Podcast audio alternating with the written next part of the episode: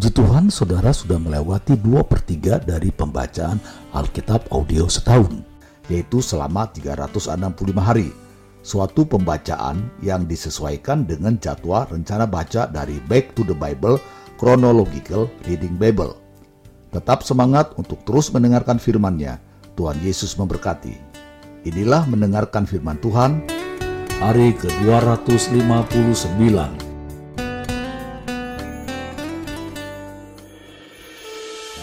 Daniel pasal 7 ayat 1 sampai 28. Keempat binatang dan anak manusia. Pada tahun pertama pemerintahan Belshazzar, Raja Babel, bermimpilah Daniel dan mendapat penglihatan-penglihatan di tempat tidurnya. Lalu dituliskannya mimpi itu dan inilah garis besarnya. Berkatalah Daniel, demikian, pada malam hari aku mendapat penglihatan, tampak keempat angin dari langit mengguncangkan laut besar, dan empat binatang besar naik dari dalam laut, yang satu berbeda dengan yang lain. Yang pertama rupanya seperti seekor singa dan mempunyai sayap burung raja wali.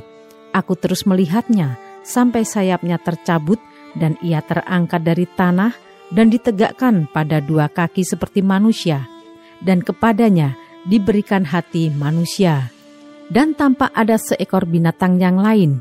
Yang kedua, rupanya seperti beruang.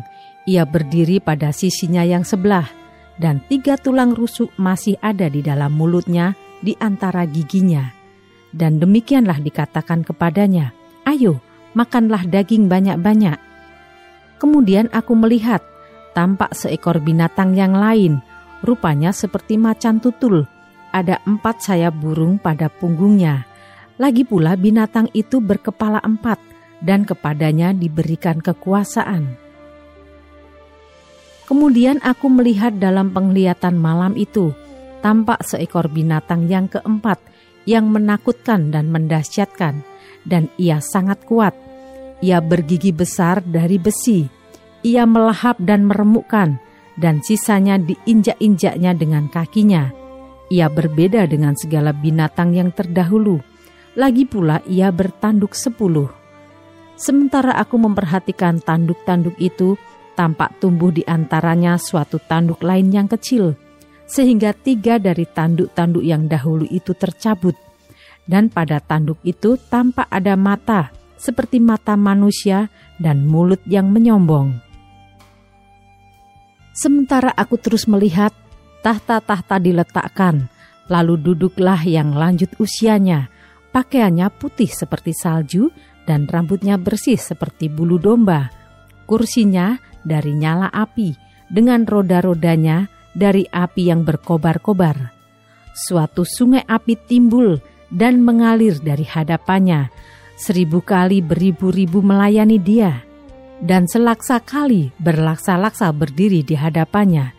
Lalu duduklah majelis pengadilan dan dibukalah kitab-kitab Aku terus melihatnya, karena perkataan sombong yang diucapkan tanduk itu, aku terus melihatnya, sampai binatang itu dibunuh, tubuhnya dibinasakan, dan diserahkan ke dalam api yang membakar. Juga kekuasaan binatang-binatang yang lain dicabut, dan jangka hidup mereka ditentukan sampai pada waktu dan saatnya. Aku terus melihat dalam penglihatan malam itu, tampak datang dengan awan-awan dari langit seorang seperti anak manusia. Datanglah ia kepada yang lanjut usianya itu, dan ia dibawa ke hadapannya. Lalu diberikan kepadanya kekuasaan dan kemuliaan dan kekuasaan sebagai raja. Maka orang-orang dari segala bangsa, suku bangsa dan bahasa mengabdi kepadanya. Kekuasaannya ialah kekuasaan yang kekal, yang tidak akan lenyap, dan kerajaannya ialah kerajaan yang tidak akan musnah. Maka aku, Daniel, terharu karena hal itu, dan penglihatan-penglihatan yang kulihat itu menggelisahkan aku. Lalu kudekati salah seorang dari mereka yang berdiri di sana, dan ku minta penjelasan tentang semuanya itu. Maka berkatalah ia kepadaku dan diberitahukannya lah kepadaku maknanya. Binatang-binatang besar yang empat ekor itu ialah empat raja yang akan muncul dari dalam bumi. Sesudah itu, orang-orang kudus milik Yang Maha Tinggi akan menerima pemerintahan, dan mereka akan memegang pemerintahan itu sampai selama-lamanya, bahkan kekal selama-lamanya. Lalu aku ingin mendapat penjelasan tentang binatang yang keempat itu, yang berbeda dengan segala binatang yang lain, yang sangat menakutkan dengan gigi besinya dan kuku tembaganya, yang melahap dan meremukkan dan menginjak-injak sisanya dengan kakinya. Dan tentang kesepuluh tanduk yang ada pada kepalanya, dan tentang tanduk yang lain, yakni tanduk yang mempunyai mata dan yang mempunyai mulut yang menyombong, yang tumbuh sehingga patahlah tiga tanduk dan yang lebih besar rupanya dari tanduk-tanduk yang lain. Dan aku melihat tanduk itu berperang melawan orang-orang kudus dan mengalahkan mereka, sampai yang lanjut usianya itu datang dan keadilan diberikan kepada orang-orang kudus milik yang maha tinggi, dan waktunya datang orang-orang kudus itu memegang pemerintahan. Maka demikianlah katanya, Binatang yang keempat itu ialah kerajaan yang keempat yang akan ada di bumi, yang akan berbeda dengan segala kerajaan dan akan menelan seluruh bumi, menginjak-injaknya dan meremukkannya. Kesepuluh tanduk itu ialah kesepuluh raja yang muncul dari kerajaan itu. Sesudah mereka akan muncul seorang raja, dia berbeda dengan raja-raja yang dahulu dan akan merendahkan tiga raja ia akan mengucapkan perkataan yang menentang yang maha tinggi dan akan menganiaya orang-orang kudus milik yang maha tinggi. Ia berusaha untuk mengubah waktu dan hukum, dan mereka akan diserahkan ke dalam tangannya selama satu masa dan dua masa dan setengah masa. Lalu majelis pengadilan akan duduk, dan kekuasaan akan dicabut daripadanya untuk dimusnahkan dan dihancurkan sampai lenyap maka pemerintahan, kekuasaan, dan kebesaran dari kerajaan-kerajaan di bawah semesta langit akan diberikan kepada orang-orang kudus, umat yang maha tinggi. Pemerintahan mereka adalah pemerintahan yang kekal, dan segala kekuasaan akan mengabdi dan patuh kepada mereka.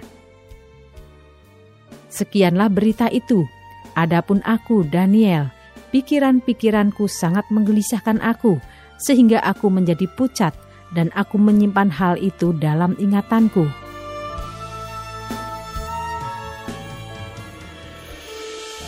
Daniel pasal 8 ayat 1 sampai 27. Domba jantan dan kambing jantan. Pada tahun yang ketiga pemerintahan Raja Belshazzar, nampaklah kepadaku Daniel suatu penglihatan sesudah yang tampak kepadaku dahulu itu. Aku melihat dalam penglihatan itu dan sementara aku melihat, aku berada di Purisusan yang ada di wilayah Elam, dan aku melihat dalam penglihatan itu bahwa aku sedang di tepi sungai Ulai. Aku mengangkat mukaku dan melihat tampak seekor domba jantan berdiri di depan sungai itu. Tanduknya dua, dan kedua tanduk itu tinggi, tetapi yang satu lebih tinggi dari yang lain, dan yang tinggi itu tumbuh terakhir. Aku melihat domba jantan itu menanduk ke barat, ke utara, dan ke selatan, dan tidak ada seekor binatang pun yang tahan menghadapi dia, dan tidak ada yang dapat membebaskan dari kuasanya. Ia berbuat sekehendak hatinya dan membesarkan diri. Tetapi sementara aku memperhatikannya, tampak seekor kambing jantan datang dari sebelah barat yang melintasi seluruh bumi tanpa menginjak tanah dan kambing jantan itu mempunyai satu tanduk yang aneh di antara kedua matanya. Ia datang pada domba jantan yang dua tanduknya dan yang kulihat berdiri di depan sungai itu, lalu menyerangnya dengan keganasan yang hebat. Aku melihatnya mendekati domba jantan itu. Ia menggeram, lalu ditanduknya domba jantan itu, dipatahkannya kedua tanduknya, dan domba jantan itu tidak berdaya untuk tahan menghadapi dia dihempaskannya dia ke bumi, diinjak-injaknya, dan tidak ada yang melepaskan domba jantan itu dari kuasanya. Kambing jantan itu sangat membesarkan dirinya, tetapi ketika ia sampai pada puncak kuasanya, patahlah tanduk yang besar itu. Lalu pada tempatnya tumbuh empat tanduk yang aneh, sejajar dengan keempat mata angin yang dari langit. Maka dari salah satu tanduk itu muncul suatu tanduk kecil yang menjadi sangat besar ke arah selatan, ke arah timur, dan ke arah tanah permai. Ia menjadi besar, bahkan sampai kepada bala tentara langit, dan dari bala tentara itu, dari bintang-bintang, dijatuhkannya beberapa ke bumi dan diinjak-injaknya. Bahkan terhadap panglima bala tentara itu pun ia membesarkan dirinya, dan daripadanya diambilnya korban persembahan sehari-hari, dan tempatnya yang kudus dirobohkannya. Suatu kebaktian diadakan secara fasik menggantikan korban sehari-hari. Kebenaran dihempaskannya ke bumi, dan apa pun yang dibuatnya semuanya berhasil.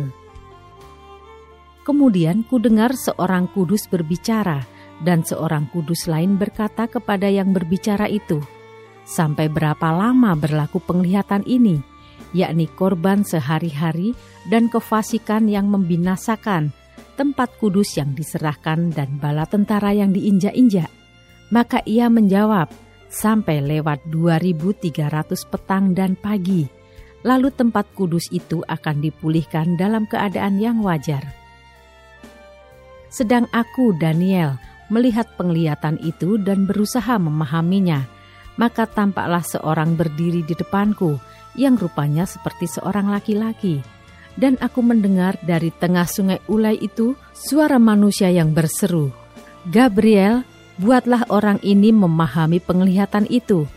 Lalu datanglah ia ke tempat aku berdiri, dan ketika ia datang, terkejutlah aku dan jatuh tertelengkup Lalu ia berkata kepadaku, Pahamilah anak manusia bahwa penglihatan itu mengenai akhir masa. Sementara ia berbicara dengan aku, jatuh pingsanlah aku tertelungkup ke tanah, tetapi ia menyentuh aku dan membuat aku berdiri kembali. Lalu berkatalah ia, Kuberitahukan kepadamu apa yang akan terjadi pada akhir murka ini, sebab hal itu mengenai akhir zaman.' Domba jantan yang kau lihat itu dengan kedua tanduknya ialah raja-raja orang Media dan Persia. Dan kambing jantan yang berbulu kesat itu ialah raja negeri Yunani. Dan tanduk besar yang di antara kedua matanya itu ialah raja yang pertama. Dan bahwa tanduk itu patah dan pada tempatnya itu muncul empat buah, berarti empat kerajaan akan muncul dari bangsa itu tetapi tidak sekuat yang terdahulu. Dan pada akhir kerajaan mereka, apabila orang-orang fasik telah penuh kejahatannya, maka akan muncul seorang raja dengan muka yang garang dan yang pandai menipu. Kekuatannya akan menjadi hebat, tetapi tidak sekuat yang terdahulu, dan ia akan mendatangkan kebinasaan yang mengerikan, dan apa yang dilakukannya akan berhasil Orang-orang berkuasa akan dibinasakannya, juga umat orang kudus. Dan oleh karena akalnya, penipuan yang dilakukannya akan berhasil, ia akan membesarkan dirinya dalam hatinya, dan dengan tak disangka-sangka banyak orang akan dibinasakannya. Juga ia akan bangkit melawan raja segala raja, tetapi tanpa perbuatan tangan manusia, ia akan dihancurkan. Adapun penglihatan tentang petang dan pagi itu, apa yang dikatakan tentang itu adalah benar. Tetapi engkau sembunyikanlah penglihatan itu, sebab hal itu mengenai masa depan yang masih jauh. Maka aku, Daniel, lelah dan jatuh sakit beberapa hari lamanya. Kemudian bangunlah aku dan melakukan pula urusan raja. Dan aku tercengang-cengang tentang penglihatan itu, tetapi tidak memahaminya. Daniel pasal 9 ayat 1 sampai 19. Doa Daniel. Pada tahun pertama pemerintahan Darius, anak Ahasiwiros dari keturunan orang Media yang telah menjadi raja atas kerajaan orang Kasdim. Pada tahun pertama kerajaannya itu, aku Daniel memperhatikan dalam kumpulan kitab jumlah tahun yang menurut firman Tuhan kepada Nabi Yeremia akan berlaku atas timbunan puing Yerusalem, yakni 70 tahun. Lalu aku mengarahkan mukaku kepada Tuhan Allah, untuk berdoa dan bermohon, sambil berpuasa dan mengenakan kain kabung serta abu. Maka aku memohon kepada Tuhan Allahku dan mengaku dosaku. Demikian. Ah Tuhan Allah yang maha besar dan dahsyat, yang memegang perjanjian dan kasih setia terhadap mereka yang mengasihi Engkau, serta berpegang pada perintahmu, kami telah berbuat dosa dan salah, kami telah berlaku fasik dan telah memberontak, kami telah menyimpang dari perintah dan peraturanmu, dan kami tidak taat kepada hamba-hambamu para nabi yang telah berbicara atas namamu kepada raja-raja kami, kepada pemimpin-pemimpin kami, kepada bapak-bapak kami, dan kepada segenap rakyat negeri. Ya Tuhan, Engkaulah yang benar, tetapi patutlah kami malu seperti pada hari ini. Kami orang-orang Yehuda, penduduk kota Yerusalem, dan segenap orang Israel, mereka yang dekat dan mereka yang jauh, di segala negeri ke mana engkau telah membuang mereka, oleh karena mereka berlaku murtad terhadap engkau.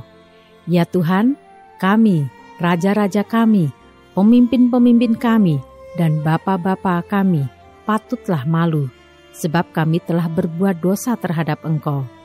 Pada Tuhan Allah kami ada kesayangan dan keampunan, walaupun kami telah memberontak terhadap Dia, dan tidak mendengarkan suara Tuhan Allah kami yang menyuruh kami hidup menurut hukum yang telah diberikannya kepada kami dengan perantaraan para nabi, hamba-hambanya.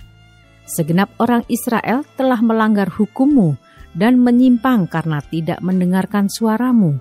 Sebab itu telah dicurahkan ke atas kami kutuk dan sumpah yang tertulis dalam kitab Taurat Musa, hamba Allah itu, sebab kami telah berbuat dosa terhadap dia. Dan telah ditetapkannya firmanya yang diucapkannya terhadap kami dan terhadap orang-orang yang telah memerintah kami, yakni bahwa akan didatangkannya kepada kami malapetaka yang besar, yang belum pernah terjadi di bawah semesta langit seperti di Yerusalem. Seperti yang tertulis dalam kitab Taurat Musa, segala malapetaka ini telah menimpa kami, dan kami tidak memohon belas kasihan Tuhan Allah kami dengan berbalik dari segala kesalahan kami dan memperhatikan kebenaran yang daripadamu. Sebab itu Tuhan bersiap dengan malapetaka itu dan mendatangkannya kepada kami, karena Tuhan Allah kami adalah adil dalam segala perbuatan yang dilakukannya, tetapi kami tidak mendengarkan suaranya. Oleh sebab itu ya Tuhan Allah kami yang telah membawa umatmu keluar dari tanah Mesir dengan tangan yang kuat dan memasyurkan namamu, seperti pada hari ini kami telah berbuat dosa, kami telah berlaku fasik. Ya Tuhan sesuai dengan belas kasihanmu, biarlah kiranya murka dan amarahmu berlalu dari Yerusalem, kotamu, gunungmu yang kudus, sebab oleh karena dosa kami dan oleh karena kesalahan nenek moyang kami, maka Yerusalem dan umatmu telah menjadi celah bagi semua orang yang di sekeliling kami. Oleh sebab itu dengarkanlah ya Allah kami, doa hambamu ini dan permohonannya, dan sinarilah tempat kudusmu yang telah musnah ini, dengan wajahmu demi Tuhan sendiri.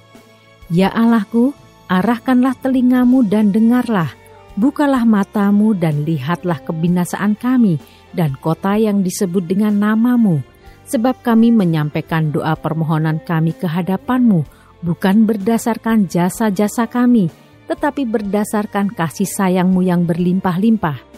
Ya Tuhan, dengarlah. Ya Tuhan, ampunilah Ya Tuhan perhatikanlah dan bertindaklah dengan tidak bertangguh oleh karena engkau sendiri Allahku sebab kotamu dan umatmu disebut dengan namamu. Ayat 20 sampai 27. 70 kali 7 masa. Sementara aku berbicara dan berdoa dan mengaku dosaku dan dosa bangsaku bangsa Israel dan menyampaikan kehadapan Tuhan Allahku permohonanku bagi gunung kudus Allahku, sementara aku berbicara dalam doa, terbanglah dengan cepat ke arahku Gabriel, dia yang telah kulihat dalam penglihatan yang dahulu itu pada waktu persembahan korban petang hari. Lalu ia mengajari aku dan berbicara dengan aku, "Daniel, sekarang aku datang untuk memberi akal budi kepadamu untuk mengerti. Ketika engkau mulai menyampaikan permohonan, keluarlah suatu firman, maka aku datang untuk memberitahukannya kepadamu, sebab engkau sangat dikasihi. Jadi camkanlah firman itu dan perhatikanlah penglihatan itu." 70 kali tujuh masa telah ditetapkan atas bangsamu dan atas kotamu yang kudus untuk melenyapkan kefasikan, untuk mengakhiri dosa, untuk menghapuskan kesalahan, untuk mendatangkan keadilan yang kekal, untuk menggenapkan penglihatan dan nabi, dan untuk mengurapi yang maha kudus.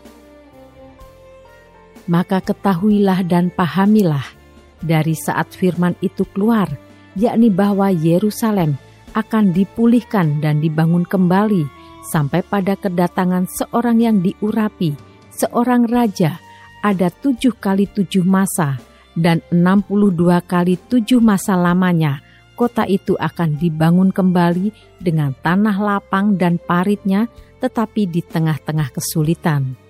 Sesudah ke enam puluh dua kali tujuh masa itu akan disingkirkan seorang yang telah diurapi, padahal tidak ada salahnya apa-apa.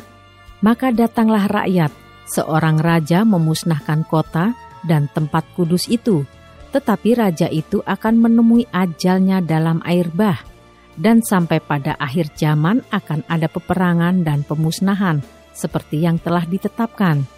Raja itu akan membuat perjanjian itu menjadi berat bagi banyak orang selama satu kali tujuh masa pada pertengahan tujuh masa itu, ia akan menghentikan korban sembelihan dan korban santapan, dan di atas sayap kekejian akan datang yang membinasakan, sampai pemusnahan yang telah ditetapkan menimpa yang membinasakan itu.